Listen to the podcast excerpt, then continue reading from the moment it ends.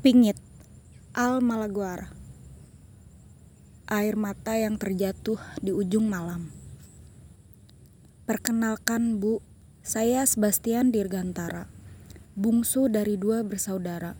Tempat tinggal saya sekarang di Jakarta. Tapi orang tua saya, ayah dan ibu saya asli daerah Delangu Mojokerto.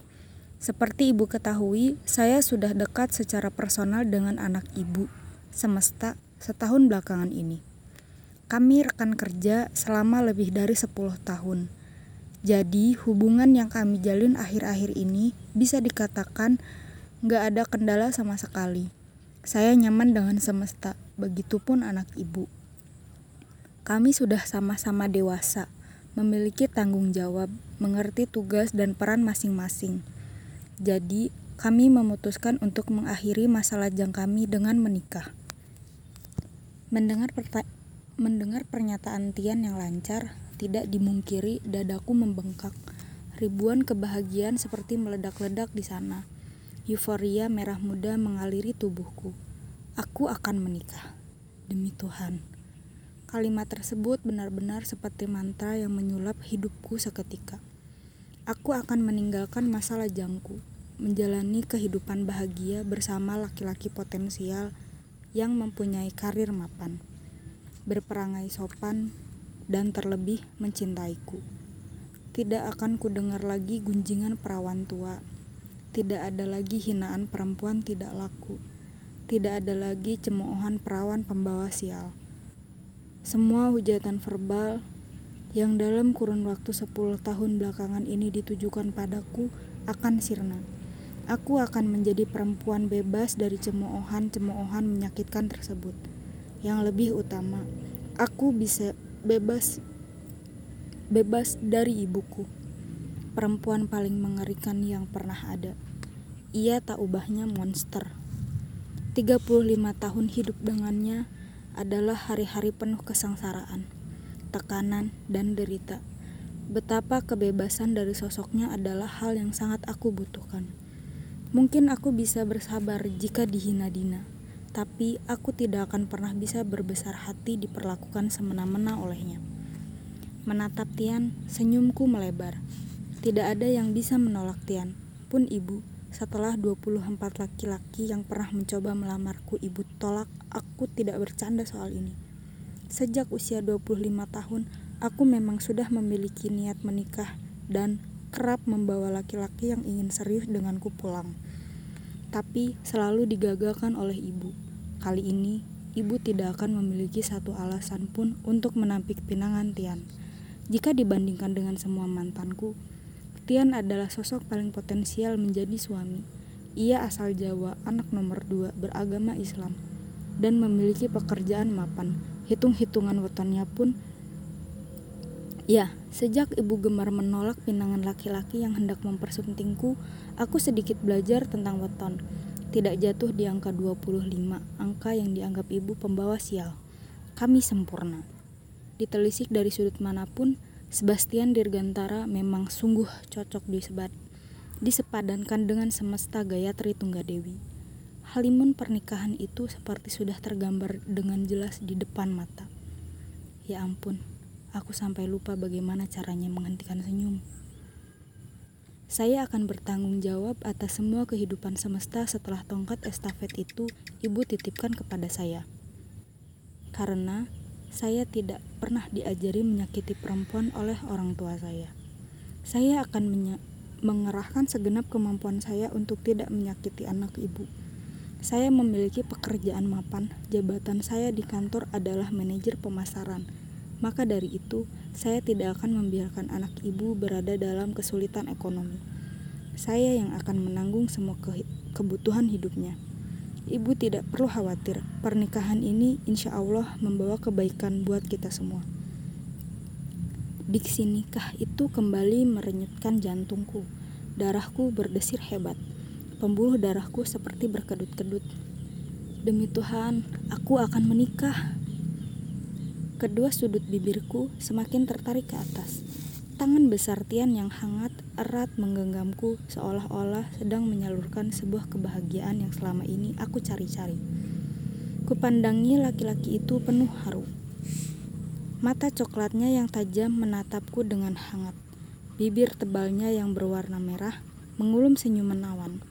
Aku sama sekali tidak mengira keputusanku menembaknya setahun silam setelah ia putus dengan pacarnya membuahkan hal semanis ini. Aku memang memintanya menjadi pacarku di saat aku tidak memiliki cinta kepadanya. Tapi, bukankah cinta bisa kita dapat dari seringnya berinteraksi? Lebih-lebih interaksi dalam sebuah rumah tangga. Bagiku, cinta itu nomor seratus. Yang terpenting sekarang, aku segera melangsungkan perkawinan yang dan keluar dari rumah keparat ini.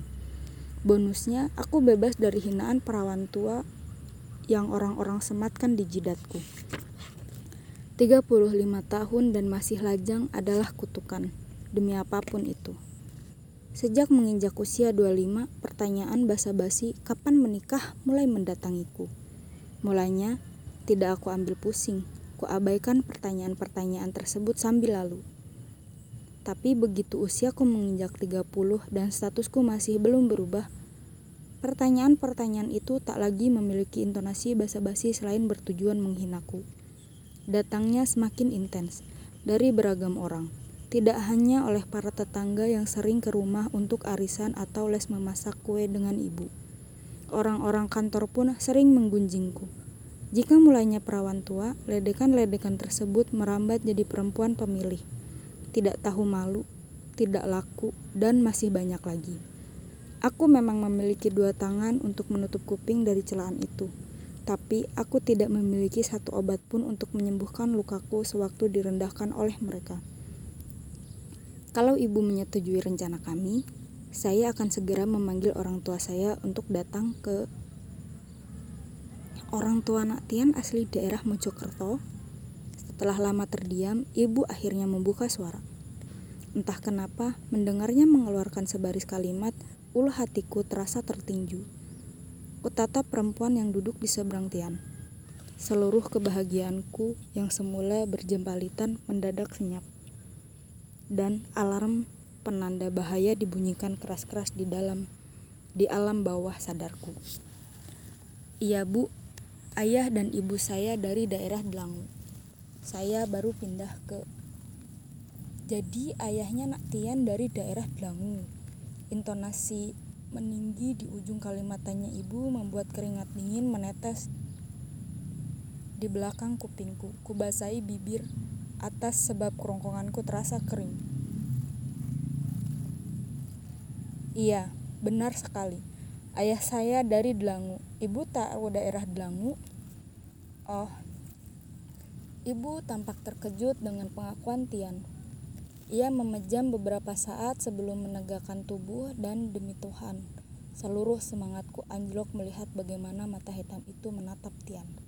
Rekaman penolakan dari semua mantanku seperti diputar di depan mata. Tubuhku memberikan reaksi yang serupa di 24 penolakannya terhadap mantan-mantanku. Bibirku terasa kering, lidahku keluh, air mata menebal di kelopak.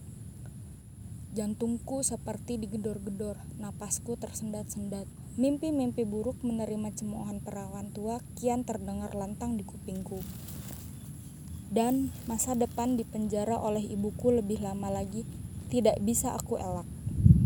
Aku mohon, Tuhan, Nak Tian anak yang baik, selama sowan ke rumah ibu, tidak pernah sekalipun Nak Tian berperilaku tidak sopan kepada ibu.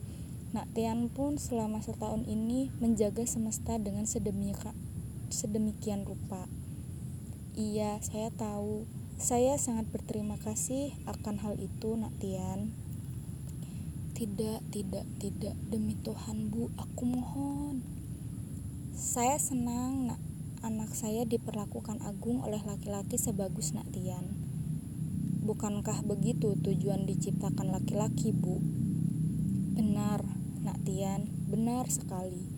Tapi pernikahan adalah hal yang kompleks, Nak Tian menggabungkan dua keluarga, dua budaya, dua pemikiran, dua lingkungan ke dalam satu wadah pernikahan itu bukan hal yang mudah. Untuk itulah saya pikir baik suami maupun istri harus saling memikul beban dalam rumah tangga. Tidak ada yang diberatkan, pun tidak ada yang diabaikan. Berat sama dipikul, ringan sama dijinjing. Insya Allah, saya dan semesta paham dengan konsep itu. Ibu tampak tercenung mendengar penuturan Tian barusan. Mata hitam yang dibingkai kacamata perseginya tidak berkedip selama beberapa detik. Aku menatap Tian dengan perasaan tidak karuan, tangannya yang melingkupi telapak tanganku ku genggam erat. Benar, ibu mengangguk. Nak Tian sama sekali tidak salah. Hanya saja, sebagai orang tua yang hendak melepaskan anaknya untuk dikawini laki-laki, bukanlah hal yang gampang. Ada banyak pertimbangan nak Tian, selain dari segi bibit bebek bobot yang harus terpenuhi, ada pula hitung-hitungan weton agar pernikahan ini tidak menyalahi aturan. Ada hitungan-hitungan hari, ada hitungan-hitungan arah rumah, ada hitungan-hitungan nasab, ada hitungan latar belakang keluarga agar semua ndak ada yang melenceng. Semua itu orang tua lakukan agar anaknya ndak jatuh ke tangan yang salah. Orang tua membesarkan anak penuh cinta selama puluhan tahun. Jadi, wajar orang tua terlebih saya yang seorang ibu tunggal tidak menginginkan anaknya dibawa oleh laki-laki yang nantinya mendatangkan kerugian. Dengan apa yang sudah saya capai, maaf ibu, bukannya saya bermaksud angkuh. Saya pikir saya tidak memiliki alasan untuk merugikan anak ibu. Oh, ndak, ndak, ndak, saya paham. Nak Tian tidak sedang menyombongkan diri. Semua laki-laki wajar melakukan hal apa pun untuk mendapatkan restu dari orang terkasihnya, termasuk Nak Tian. Aku tidak tahu ke mana arah obrolan ibu, tapi tidak tahu kenapa kelopak mataku menebal, yang apabila aku berkedip, air mataku akan tumpah. Dadaku sesak sekali.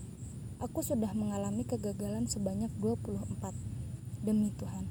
24. Aku tidak ingin malam ini kegagalanku sempurna mencapai angka 25. Aku ingin bebas. Tapi nak Tian, ada peraturan-peraturan yang harus kita patuhi agar hidup kita tidak menyeberang ke arah berlawanan. Ada kaidah-kaidah yang harus kita pegang agar hidup kita berjalan sebagaimana mestinya. Kita hidup hanya mewarisi apa yang sudah ada. Kita hidup hanya menjadi penerus dari kehidupan di masa lalu. Dan maksud dari pertanyaan ibu, maaf sekali nak Tian, dalam kepercayaan yang ibu anut selama ibu hidup, anak dilarang menikah dengan pasangan yang ayahnya satu kampung dengan si anak. Dalam artian ini, ayah nak Tian satu kampung dengan ayah semesta, sama-sama dari Delangu, Mojokerto. Pamali, kebom balik kandang namanya, ndak ilo. Bu, Tata mohon Bu.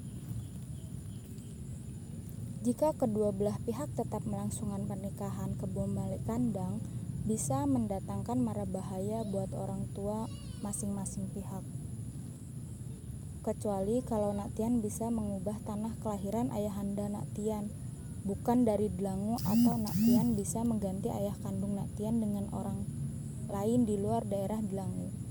Ibu ndak memiliki alasan untuk menolak Nak Tian. Nak Tian laki-laki bagus, berperangai santun, memiliki pekerjaan mapan, bibit, bebet, bobot Nak Tian ndak ibu ragukan. Tapi, maaf sekali, ibu hanyalah penerus Nak Tian. Ibu ndak memiliki kuasa untuk menantang hal-hal yang sudah digariskan oleh alam. Pamali. Maafkan perempuan tua ini, Nak Tian. Ibu ndak bisa apa-apa. Nak Tian bisa mencari perempuan yang lebih bagus dari anak ibu.